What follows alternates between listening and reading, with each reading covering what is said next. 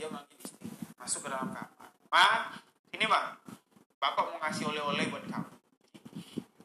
Istrinya langsung masuk ke kamar. Oleh-oleh apa pak? Bapak bawa mainan buat kamu.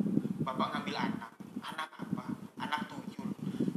Mendengar nama anak tuyul istri Andi ini terperanjat astagfirullahaladzim. Ada-ada aja. Kamu jangan bercanda pak. Kamu udah gila.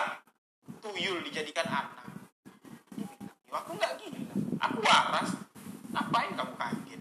Aku ngambil tuyul dari Jawa kamu mau kaya kan kamu mau uang kan kita harus pelihara tuyul aku yang ngasuh tuyul kamu yang nemeninnya nanti. Kamu yang ngasih nenek. Jadi istri Andi. Nenek nenek apa pak? Anak kita aja masih nyusu sama aku. Kok kamu suruh aku nyusuin tuyul? Yuk bagi dua lah sama si adek nanti adek digantikan susu formula aja.